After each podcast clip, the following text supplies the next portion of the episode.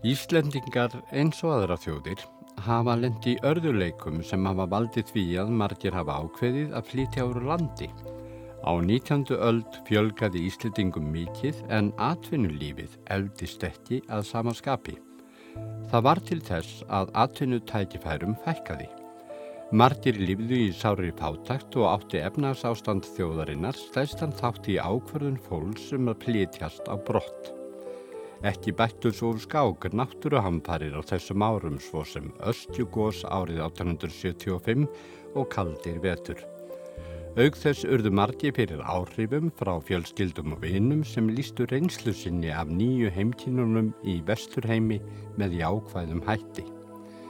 Síðan hefur þessi saga endur tekið sig aftur og aftur á 20. öldinni og fram á okkar daga.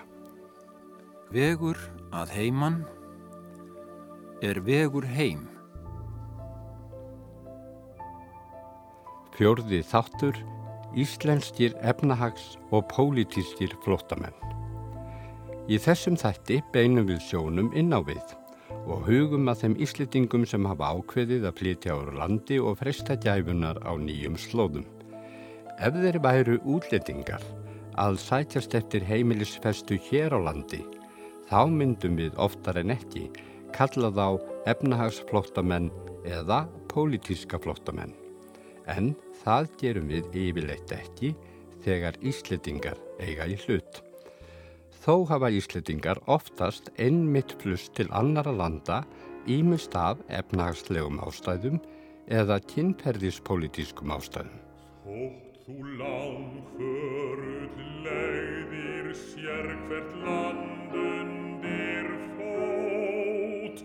hugur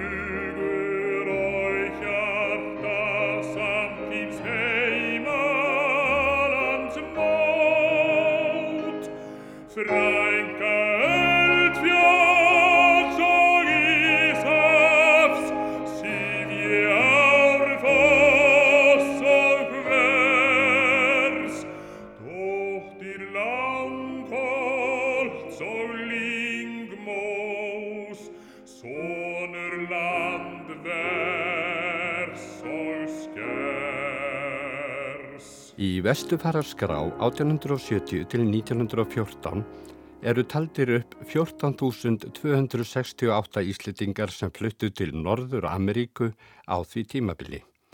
Þessi tala samanstendur af þeim sem voru skráðir en talið er fullvíst að fjöldi brottfluttra hafi verið herri. Talið er að fjöldin hafi verið að milli 15 til 20.000 manns sem svarar til um 20 til 25% þjóðarinnar. Síðan hafa Íslitingar leitað sér framtíðar í ymsum löndum til að búa betur í hæginn fyrir sig og sína. Þetta hefur gætnan gæst í holstjeflum. Til dæmis fluttust 1728 Íslitingar til Ástralíu á áronum 1967 til 1970. Oftast hafa þó Íslitingar flust til Evrópulanda til að hefja betra líf og mest til Norðurlandana. Það gerðist eftir hrunnið 2008 og er talið að á fyrstu áraunum eftir hrunn hafi hátt í 20.000 manns flust úr landi, flestir til Noregs. Við sláum að þráðin til Jóhannesar Kjartanssonar sem nú býr í Noregi á samt fjölskyldu sinni. Við vorum bæði aðtunlaus, ég og kærastum minn og þetta var 2011 um sumari. Ég var nú ekki, alveg aðtunleys, ég var svona að vinna frílands með svona verkefni hér og þar. Ég var grafiskur hannur á Ölsingarstofu og svo var ég svona ljósmynda líka. Og svo sá ég bara svona, það var bara svona eila bara einhver lukka, ég sá einhver ölsing að grein að það væri vantæði 8000 vörubilstjóra í Noregi. Og þá hugsaði ég, já, þá kannski vantar eitthvað annað líka. Hildur Gjertum minn heyrði í Ernu, bestu vinkunum sinni sem býr hérna úti. Og hringdi í hana og Erna sagði já, heyrðu, ef við flytið út núna, ef þú kemur innan tveggja veikna, þá getur ég að retta þér vinnu. Og við bara ákveðum að kíla það og Hildur flög út já, eftir eina viku og fekk þrjárvinnur og svo þurfti ég að pakka saman íbúðinni og framlega hana og svo kerði ég með hundin og búslóðina. Fór í Norrannu og kerði tveir mannum síðar til Oslo. Og þegar þið komið út, hvað, hvað gerðist þá? Ég var ennþá með einhver svona frílansverkefni sem ég var að vinna en uh, hún heldur skrifandir og fekk íbúð sem fekkum svona pingu lítið hýbel sem við fluttum í og ég held ekki að þetta fengi vinnu bara sem grafiskur hannur. Ég geti bara lappað inn á stofu, það var ekki alveg svo öðvöld. Til dæmis maður þarf að tala norsku kannski eða svona. Ég kunni ekki mikið í henni. Þannig að pappi minn fann þá auðlýsingi fréttablaðina sem var auðlýst eftir tíkristýrum í Oslo og ég sótt um það, þá var þess að tækirkeðjan var að opna hérna í Noregi og það voru Íslandingar sem voru að opna það og þeir sem auðlýstu eftir Íslandingum á Íslandi sem getur vinnu í Oslo, þannig að ég sótt um það og ég fekk vinnu í, í fyrstu búðinu sem opnaði hérna í Oslo 2011 ég byrjaði bara sem hérna vennilegur starfsmæður og svo gekk þetta svo vel að það var opnað önnur búð og þá var ég gerður aðstöða vestlunnstöri þar og svo þegar þriðja búðin opnaði þá var ég gerður vestlunnstöri og svo endanum þá vann ég þar í þrjú og hálft ár og var vestlunnstöri í þrjumur viðsmjörandi búðum. Og var líka að hjálpa til við að opna fleiri, ég held að það er að vera séu á svona 30 núna, en ég var að hjálpa til að opna og setja tölvukerfi og hjálpa í tækni í hliðina. Þannig að ég byrjaði eiginlega að vinna hjá íslensku fyrirtæki í, hérna, í Núri. Það var svolítið óvinnlegt.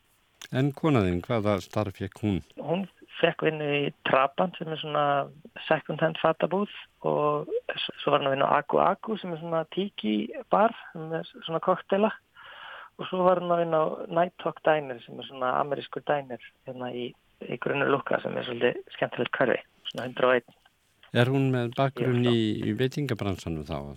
Já, hún er, hún er mikla reynslu úr því en ég grafiskur hannur úr Ístáskólanum og hún líka. Hafa normenn tekið ykkur vel?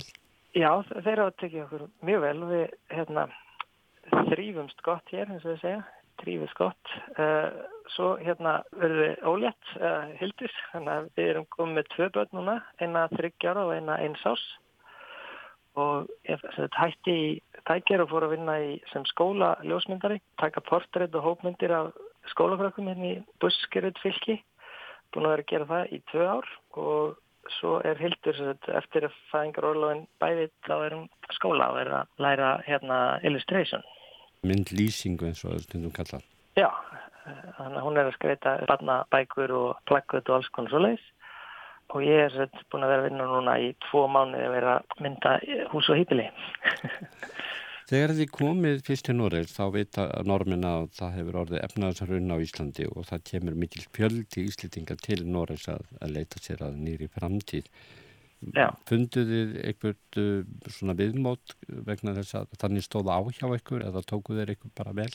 Og það tekið rosalega vel. Það var svona kannski búin sem við fundum fyrsta íbúðin. Og þegar maður flytur hinga þá þarf maður þarf að vera með einhverja þryggja mánu að launasæla til að geta opna bankareikning, maður þarf að vera með gott kredit til að geta skrifandi leigusamning og svo leiðs og normenn eru svolítið svona eftir bókinu með það. En við vorum svolítið hefnir að hérna, það, það var hollendíkur sem leiði okkur. Þannig að við komum svona þannig auðvöldlegin, hún var, var lípa við okkur. Og svo sagt, erum við svona aðeins búin að byggja okkur upp og við erum búin að flytja núna heldur fjórum, fjórum eða fimm sinnum.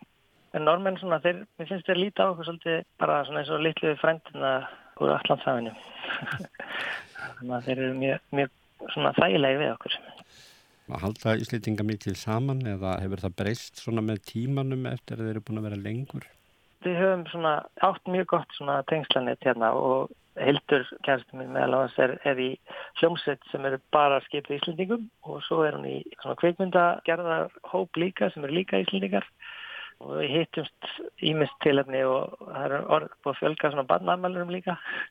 Það er svolítið þjættir hópur en svo er maður alltaf búin að kynast fólki líka gegn skóla og vinnu það er normenn og, og já, bara allra þjóða manneskjur En svona að þú lítur til nána framtíðar allir það að vera áfram í Noregi eða hugsið þið að snúa aftur heim? Snýr maður ekki alltaf heim en það er bara spurning hvenar við, hérna, við erum allavega mjög ánað núna og stelpunar í leikskóla er að fara að byrja saman á leikskóla hérna bara heim með göduna við sjáum nú fram að vera einn einhverja árið viðbútt en okkur langar rosalega að líka að þær búi heima og þannig að all familjan þar og aðmöðnar og afnir og allir en já, við erum bara að sjá hvenar, hvenar það verður. Þannig að framtíðin er í Noregi allavega næstu árin, hvað sem setna verður. Já. Herðu Jónas, þetta er orðið gott en viltu bæta einhverju við? Um, Kanski bara að segja ja, að Oslo hafi komið okkur rosalega á, á óvart. Að það er alls konar á veturna getur maður farið út í skó og farið á gönguskýði eða farið í sleðaferðir bara með eitt eftir lestanferð. Og svo á sömurinn þá er þetta er einn algjör sömarparadís eins að maður getur nota sama strætó meðan til að fara í bát út í eigu á ströndina í solbaði eða upp í skóla sem er fjöldi gangu leiða og svo leiðs. Þannig að það er rosalega skemmtilegt umhverju hérna og, og, og margt hægt að gera. Heldur að þú lítur svona á lífðitt, heldur að það hafi orðið betra við það að þið tókuð þessu ákvarðun að plýta? Já, sko, við fluttum við út líka vegna þess að, já, við vorum líka skuldu, þannig að það var hlutin, einn ein stóri ástæðan fyrir að flytja út var að hafa norska krónan á 23 árkrónur og það gekk ágjörlega að borga niður skuldir svona fyrst í tvö árin. Svo núna er það eiginlega alveg búið að snúast við þannig að núna er norska krónan 12 eða 13 en að móti kemur þeirra við, við erum búin að ná að koma okkur vel fyrir og já, við ætlum að allan að láta á þetta reyna einhver árið eitthvað Þegar árin færast yfir þá fara margir að endur skoða lífsitt og stöðu. Margir íslitingar sem komnir eru á lífeyrisaldur hafa séð þann kost skástan í stöðunni að flytja til spánar og verja æfikvöldin þar. Því þar verði þeim meira úr nefnt skömmtuðum eftirlaunum. Inga Jóhannsdóttir tók stökkið nýlega úr 101 Reykjavík til Spánar. Við sláum að þráðin til hennar. Það var eiginlega löngu ákveð að við myndum selja húsið. Ég átti húsið með dóttuminni og, og salam stóð til þannig að ég byrjuði að hugsa málið og fara hann að kíkja á hvort ég hefði efna á að kaupa litla íbúð í breyðholti eða ef ekki einhverskar fjær sem var rótýrða og þegar upp á staðu og ég fór að reikna dæmið þá sá ég að ég hefði ekki efna á því nefn að taka lán og að borga á lánum nærri komin á eftir lífeyris aldura þá, þá var þetta ekki, ekki bjart framöndan. Svo sá ég á netinu að uh, kunningi minn, Esku Vinnur, var að selja íbúður á spáni og ég fór að forvisnast jú, kannski gæti ég þetta. En svo vildi ég reyna sjálf og fór á neti, fór bara einfalt, bara fastegnir til sjölu á spáni og það því. En fyrir mig var þetta besti í kosturinn að gera þetta svona. Nú finnst mér að bara lifa eitthvað draum sem að ég hafi alltaf átt. Hvað er langt síðan að þú giftir húsið og fluttist til spánar? Ég fór út í januar á þess ári, var í viku dætu mína með mér, þá var ég búin að undirbúa mjög vel, þá var ég búin að setja mér í kontakti nokkra fæstegnarsela flesti voru breskir og nærri allir frá liðupúl, svo ótrúlega sétt En ég ákvaði þetta raunverulega á viku. Þetta, þetta átti ekki verið alveg sem ég ætlaði bara að skoða og skoða það helling. En fjall dössanlega til þessu húsi og það var dýraverð en ég hafi verið alveg að rekna með. Það fór allur peningur með sem ég fjall úr, úr húsinu í þetta. Ég ætlaði að eiga kannski smá vara sjálf. En ég, mér langaði svo mikið í þetta hús. Skrifaði undir það að ég vildi fá þetta hús. Svo kom ég heim og allt átti að vera klárt. Þá gekk svo sala tilbaka. Peningarnir voru ekki klárið frá þeim sem ætlaði að kaupa okkur. Við viltum að byrja upp á nýtt og þetta var svolítið stress í, í þrjá mánu en hafðist bara svona, má segja, á síðastu degi. En þú varst reynur ekki alveg komin eftir lönnaldur þegar þú tekur þessu ákverðun? Nei, svo hugsa ég málið lengra að við erum að selja húsið og þetta er gerast núna, eða var gerast þá. Og við leistum með að það eru svo dýrst að leia íbúð eitthvað í millitíðinni, það eru í sala á húsinu okkar og bestæðastrætinu og ég gæti ekki tverja að vinna þessi tvö ári viðbútt og borga háa leigu eða, eða gera einhverja millir ástafni þannig að ég bara ákvaða að ég er bara að taka stökki og, og gerði það og byrjaði svo að taka líferi á smái sinna líferi, ekkert mikið en smáiðis byrjaði að áskættir honum um síðustu áramót. Þetta var allt í glöðunum hjá mér. Ég ætlaði að láta þetta verða veruleika. Og svo núna rétt á hann ég fór eitthvað út þá talaði ég tryggingastofnun og baðum það sem ég hefði hugsanlega rétt átt frá þeim. Ég veit ekki hvað það verður. Ég veit bara að ég verð ekki með mikla peninga en það verður meira úrðan þetta úti. Og núna á ég þetta hús hérna úti skuldlöst og það hjálpa mér auðvitað til að koma stað. Hvernig kemst það eftirlunaldurinn? formlega 67 ára en nú má fara á eftirluna aldur og sækjum með tryggingastofnun alveg 60, 65 ára það er bara tekið 0,5% að hverju mánuði sem vantar upp á 1667 Og þú reiknaðir út að það væri bara hagfæmara fyrir því að hætta að vinna og fara á eftirlaun og búa þá á Já. spáni Já, ég var meirið segja í 80% starfi á hjúkurnaheimili en samt fann ég sem að daga var, var bara yfirkomulega þreytu. Þetta var bara, jú sem er, nú, nú bara stekki af stað, láta að verða eitthvað úr þessu. Og hvernig líst þér á þig? Nú ertu nýlega komin, þú ert nýkomin í nýja lilla húsið þitt í Torrevegi Ekka svæðinu þetta á Spáni. Hvernig Jú, líst þér á? ég kalli þetta alltaf Torrevegi en það er vist ekki rétt. Torrevegi er bara bærin.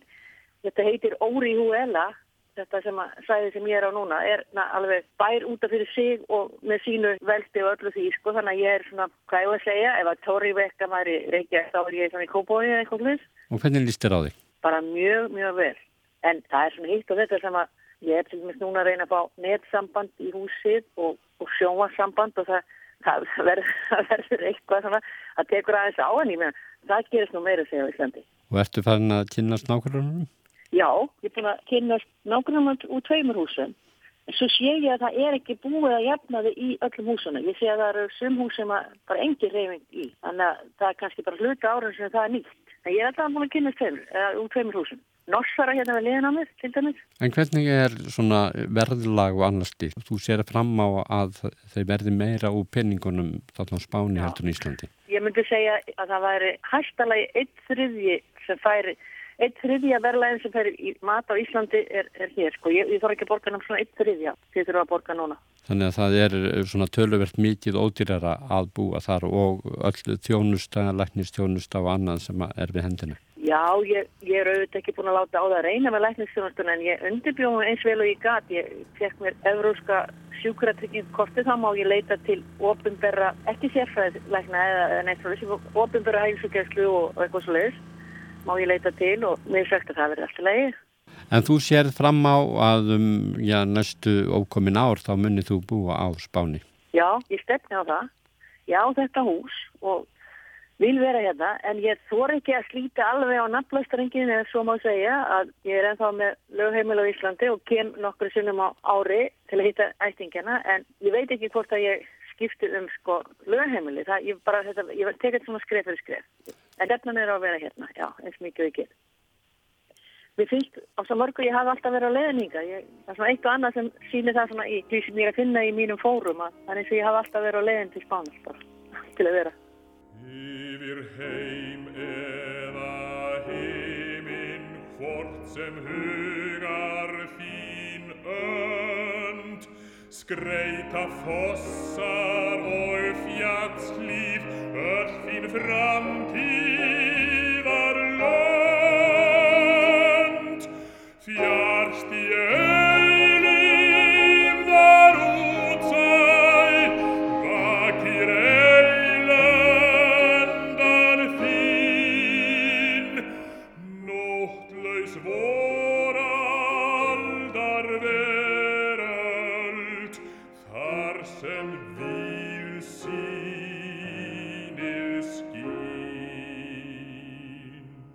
Við heyrum sjaldan talað um að Ísleitingar hafi gerst pólitískir flóttamenn, en það er þó til. Fjölmennasti hópurinn sem við gætum flokkað sem slíka eru samkynneigðir Ísleitingar, engum á síðustu öld.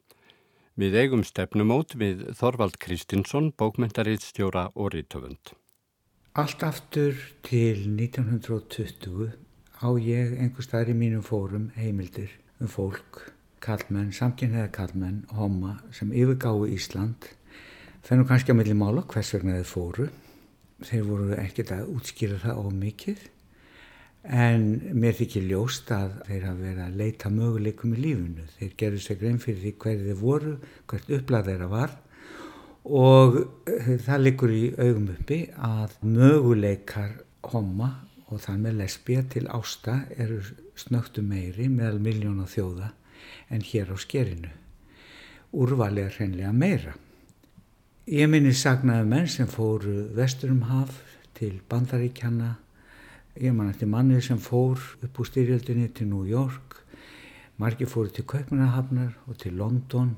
Ég á minningar um mann sem sveiplaði sér á homabörunum í Berlín á 1933, 4 og 5 og svo framvegis og svo framvegis.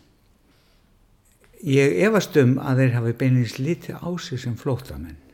Þeir voru hreinlega eins og aðrir ungir Íslendingar í leita möguleikum í lífinu og allir þeir sem þrá stærra samfélag og vilja njóta bæði krafta sinna og þarfa og fá betri útráðsverið þarfi sína þeir skilgreina sig ekki flótamenn frá Íslandi okkur langa bara út í heim og þetta er kallað útþrá en upp í hugan kemur maður sem hétt Jóhann Gesson Hann kunni illa leynast sem homi á Íslandi. Hann var það sem einu sinni var kallað flamboyant, hann var svolítið sveibla í honum og hann fjell heldur illa inn í það samfélag sem hér og þann anda sem hér ríkti eftir styrjöldina á sjötta áratu aldarinnar. Og oftar en ekki var hann fyrir basmíðum og mistirmingum, einhverjum á sérlega í skjóli næturinnar af þeim sökum. Hann tók sig upp og fór til New York og uh, starfaði það sem rakari á Manhattaneyju, bjóð þar líka og innrittaði íbúð sína upp á íslenska máta, eldaði íslenska kjötsúpu einu sinni viku og uh, á vegginu voru íslensk málverk. Hann þráði Ísland, hann saknaði Íslands en Ísland var honum óbærilegt, hann gæti ekki lifa hér. Uh, til margsum þessa heimþrá má nefna að uh, aldraði maður og farin að helsu þá kom hann heim til að deyja. Og það gerði fleiri. Var hann kynferðispolítísku flótamaður mér finnst ágætt að kalla hann eitthvað slíkt. Hann flúði óbærilegar aðstæður. Hann var tilneitur til að skipta um land og haldi yfir hafið en uh, saknaði uppruna síns og vildi sennilega helst vera sem næst sínu fólki. Annan mann ónendan kannast ég við og hefði sögu hans, hann fór ungu til náms í Kaupanahöfn, hann var homi og lifði það sem slíkur og fór svo sem lítið ekki í fjölu með þann hluta lífsins. Hann þráði alla til Ísland en einhverja reynslu svo sára átti hann frá Íslandi að hann afbar ekki að stíga á land, koma til Íslands til að stíga á land fór þó einu sinni með Guldfossi til Íslands, munstraði sig yfir í Esjuna sem var strandferðarskipir sem fór kringum landir og syldi með Esjunu hringin í kringum Ísland til þess og eins að stiga aftur um borði Guldfoss og halda út til Kaupnahafnar. Hann kom aldrei á land á Íslandi nema til að munstra sig á milli skipa. Svo beskar voru minningarnar um landið og þjóðina en eitthvað kallaði og eitthvað tókaði. Ég heyrði í fyrsta sinn hugtæki kynferðispolítiskur flóttamaður og kynferðispolítiski flóttamenn notað af Guðna Baldusinni hér á landi árið 1981 og mér fannst það mjög merkilegt. Ég þekkti hugtæki því að það var vissulega komið á kreik víða um heim til dæmis í tengslum við kúbanska homma og kúbanska lesbjur sem átt undir höggasækja í heimalandi sínu á þeim árum. Það var mikil harka og mikil grimd þarna í Karabíska hafinu, gafgasanginuðu fólki og kúpu var það gerðan reynd að loka það inni, setja það í vinnubúðir og svo framvegis. En ég hafði aldrei heyrt þetta hugtak notað og því beitt í tengslum við Norðurlönd og Norður-Evrópu. Mér fannst það mjög rétt og örfandi fyrir skilning okkar á aðstöðu Íslendinga í lok 8. áratugurins um og upp úr 1980. Því að Íslendinga streymdu úr landi, homar og lesbíu streymdu sem aldrei fyrr til Stórborga á Vesturlöndum. Mörg hvaðust hafa farið sé, undan því lífi sem í bóði var á Íslandi Ekki þegar kallaði sig þá beinlinis kynferðispolítiska flótamenn. Þau voru einfallega að leita nýjum möguleikum í lífinu. En þetta hugtak, það varpaði í rauninni ljósi fyrir okkur sem stóðum í eldinu miðjum, við sem vorum og erum samkynnið. Það varpaði ljósi á það hvíli gjá var orðin á milli e, þess lífs sem ég bóði var í hinn stóra heimi og á Íslandi um þetta leiti. Ísland hafi í raunni bara mist af lestinni ef svo má segja. Sínileiki og jável mannrettindi stolt og, og baratu hugur allt var þetta á flegi ferð vestanhafs og austans á 8. áratug aldarinnar og magnaðist til muna upp úr 1980 og 9. áratugnum en Ísland hafði ekki kveikt á perunni það ríktu fordómar við áttum á hætt að missa vinnu og húsnæði og sjálfur er ég hluti að þeirri reynslu og sá maður sem fyrstu tóti máls ofenbarlega um eigin samkynneið í fjölmilum undir mynd á nafni var Harður Torfarsson eins og kunnut er og hann taldi sér nöðsynlegt að, að hverfa úr landi af þeim sökum. Við höldum á fund Harðar Torfarssonar, söngvarskáls og leikstjóra og byggjum hann að reyfja upp þennan tíma. Þegar ég ákveði að fara til Damurkur endanlega að flýja land þar að fara vegna þess að skilirum voru svo hrikaleg fyrir mig hérna. Það er voru 77.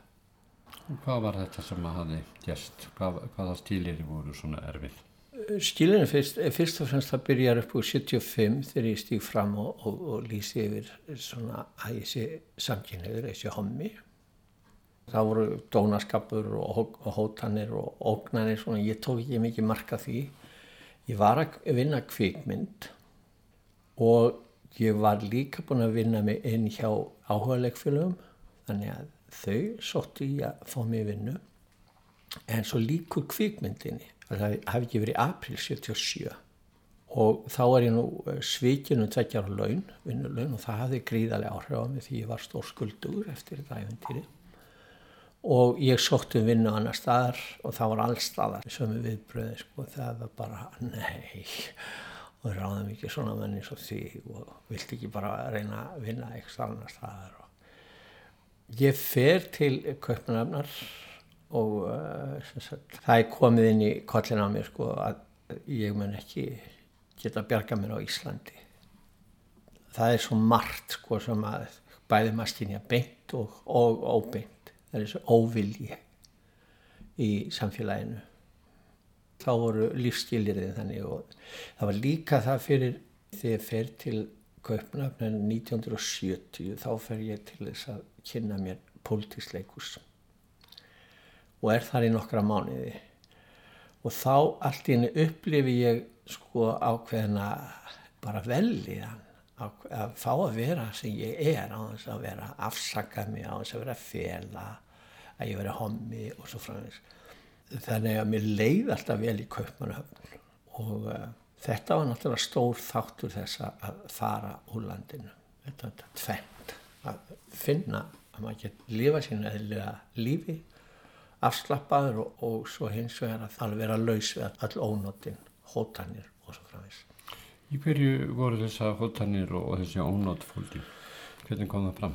Sko, vanlíðan í mín byggist á því ég viss aldrei til dæmis ég var að eh, vinna kvikmyndinni og ég var með símanni í, í tvö ár stanslust að hafði hann opin út af vinnunni og það var ofta tíðin þá lifti ég símanum, það var ringt í mig og, og það voru hótanir, það voru grófar hótanir og það var mjög óþægilegt, ég reyndi lengi vel að láta sem þetta væri bara einhverja fyllibittur eh, út í bæði eitthvað slíkt en uh, smám saman þó maður eh, haldi að, að maður geti þú veist, lifa þetta af og svona lifa við þetta að þá gerist þetta smám saman. Þetta fer upp í svona ákveðin óöryggi óvissu, ákveðin óta eh, að því að maður veit aldrei býti, er eitthvað sem er að meina þetta til dæmis. Það sannaði sig líka mörgum ánum setna sko þegar að Íslandingur hendt að drepa mig kaupmanöfna, það er þessi eini sem stekkur út úr myrkrunu. Smá sama sest þetta inn í mann.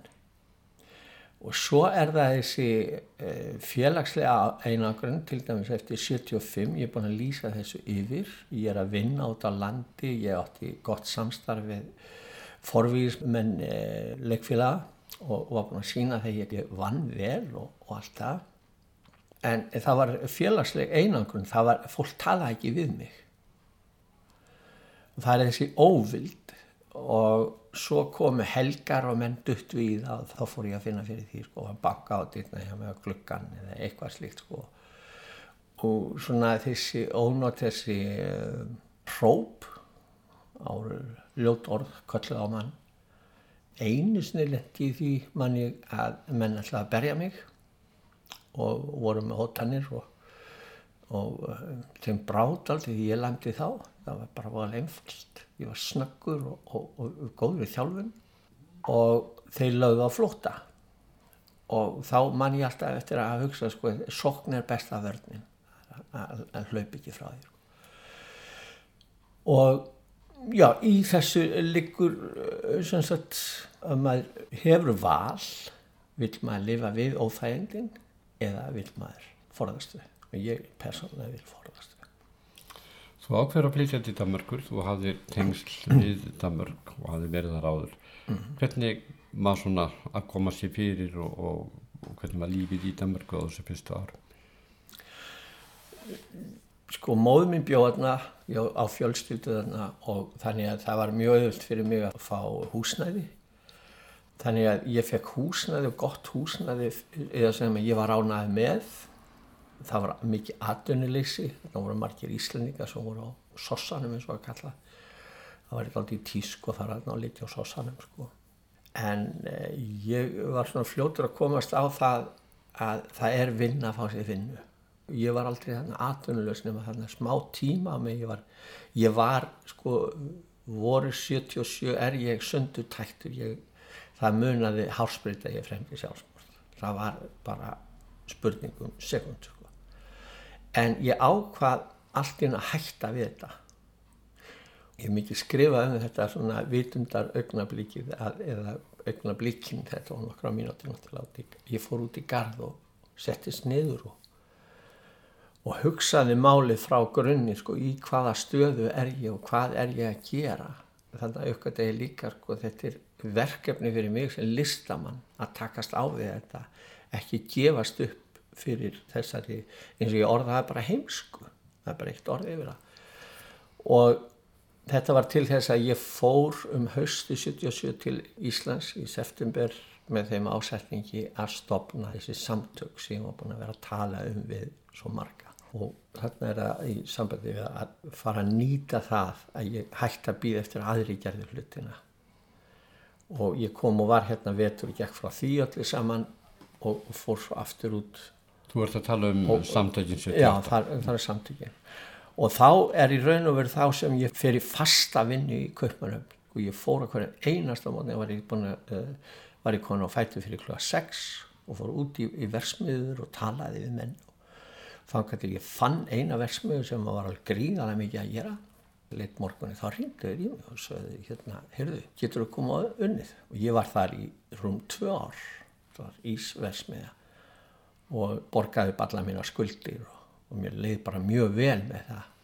Þegar þú ferði þarna til Danmörkur vegna þess að þú verður já, fyrir aðkasti og óttunum mm. voru fleiri samkynniðir sem fóru til Danmörkur á þessum árum sem flýja eða, eða út af því já, ég, eh, ég man alltaf eftir eh, bekkjafélaga mínum einum.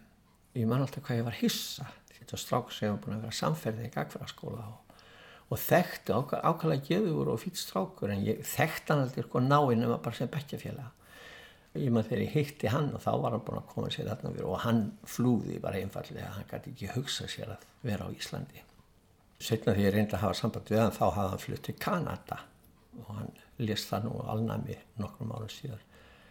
Já, já, þarna voru talsvært um Íslendinga sem flúði einfallega stundum tímabundið en margir sem að fóru alfarið og ég held að hafi ekki komið tilbaka Þannig að það var til raun og veru svona, ef við getum sagt hálkjæringi, eins konar flottamanna búðir Íslendinga sem voru samtíniðir Já, já, og, og ég vissi náttúrulega sko, þá voru þó nokkur sem fóru til bandaríkjana og Þískalands ég man eftir einum ráðherra sín í hérna sem að hann var einfallega sendur úr landið þetta var uh, talsvert um það en ég gerði mér svo sem farið með að hafa samband við Íslandika sérstaklega sko, ég var auðvitað fyrstu árin en svo uh, sleit ég öllu sambandi við Íslandika síðustu 10-12 árin sem ég bjóð þarna ég hafði ekki samband í Íslandika Við köllum þá sem þurftu að flýja Ísland vegna kynneigðar sinnar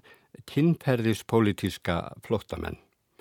En standa þeir fyllilega undir því í heimi þar sem samkynneigðum er síndu veruleg grimd. Við leitum álit sjá Þorvaldi Kristinsinni. Síðar meir hef ég stundum haft evasendir um þetta hugtak, kynferðispolítísku flótamaður, svo mjög sem það er vekjandi og nöðsynlegt til þess að, að draga aðtegli manna að uh, þeim kúunaferðlum sem stjórna engalífi okkar. Evasendir mínar snerist kannski fyrst og fremst um það að ég var fyrir bölfuðum höggum á Íslandi á nýjunda áratu aldarinnar um og uppu 1980. Ég misti húsnæði, mér var hafnaði í vinnu. Ég vissi hreint ekki sko hvað býði minn hvort ég anniti sammælis á Íslandi. En ég ákvaði að vera kyrr og láta á þetta reyna vegna þess að ég er að upplægi hugrakkur. Það er ekki eðli mín að hopa. Ég vil láta reyna á slægin áður en ég snýja hólmi. En efasendi mínar snúast ekki bara um þetta. Að vera kynferðispolítískur flóttamaður er óneitanlega afstætt hugtak og ég áttaði mig á því smá saman eftir því sem árin liðu og ég ósa reynslu. Ég skildi það að manneskjurnar eru misjaflega í stakkbúnar til þess að mæta höggum og nýjustu rannsóknir meðal samkynneis fólks í heiminum sína að það sem við búum við auðmykingar og niðurlægingu í orðum eða gerðum þar erum við í rauninni stöðugt undir andlegu áreiti sem getur leitið þess að fólk brotna saman og bylast. Þetta horfðist menn nú ekki augu við hér á árum áður. En ég lærði að virða þá staðreind að við erum misjaflega sterk og þess vegna ber mér líka að virða það fólk sem flýra hólmi og lætu sig hverfa í vonum betra líf. Þetta er persónlegt mat hvers og eins og þeir sem hörfu, það fólk sem kvarf, hafði án efa fulla ástæði til að láta sig hverfa. Það kemur sára sjaldan fyrir að ég finn kvöt hjá mér til þess að nota orði kynferðispolítísku flótamaður um Íslandinga, hvort það eru Íslandinga líðandi stundar eða fortíðarinnar, því mér finnst það eili til útvötnum á dýrmætu hugtæki í hugmyndaheimi mannrættinda. Og þá hugsa ég um alltaf fólk í öðrum heimsálfum sem á hættu að glata frelsi sínu, lendi í fangelsi, missa lífið, verða fyrir mistyrmingum og öðru slíku. Erum við ekki að gera þessu fólki sem stendur í svo ræðilegri stöðu háðung til með því að kalla homma á kópaskeris eða akkureyri sem verður fyrir einelti og, og háðung félagana, kalla hann kynferðispolitískan flótamann þó hann drífið sér til Reykjavíkur. Ég veit ekki. Það er óskaland íslenskt sem að yfir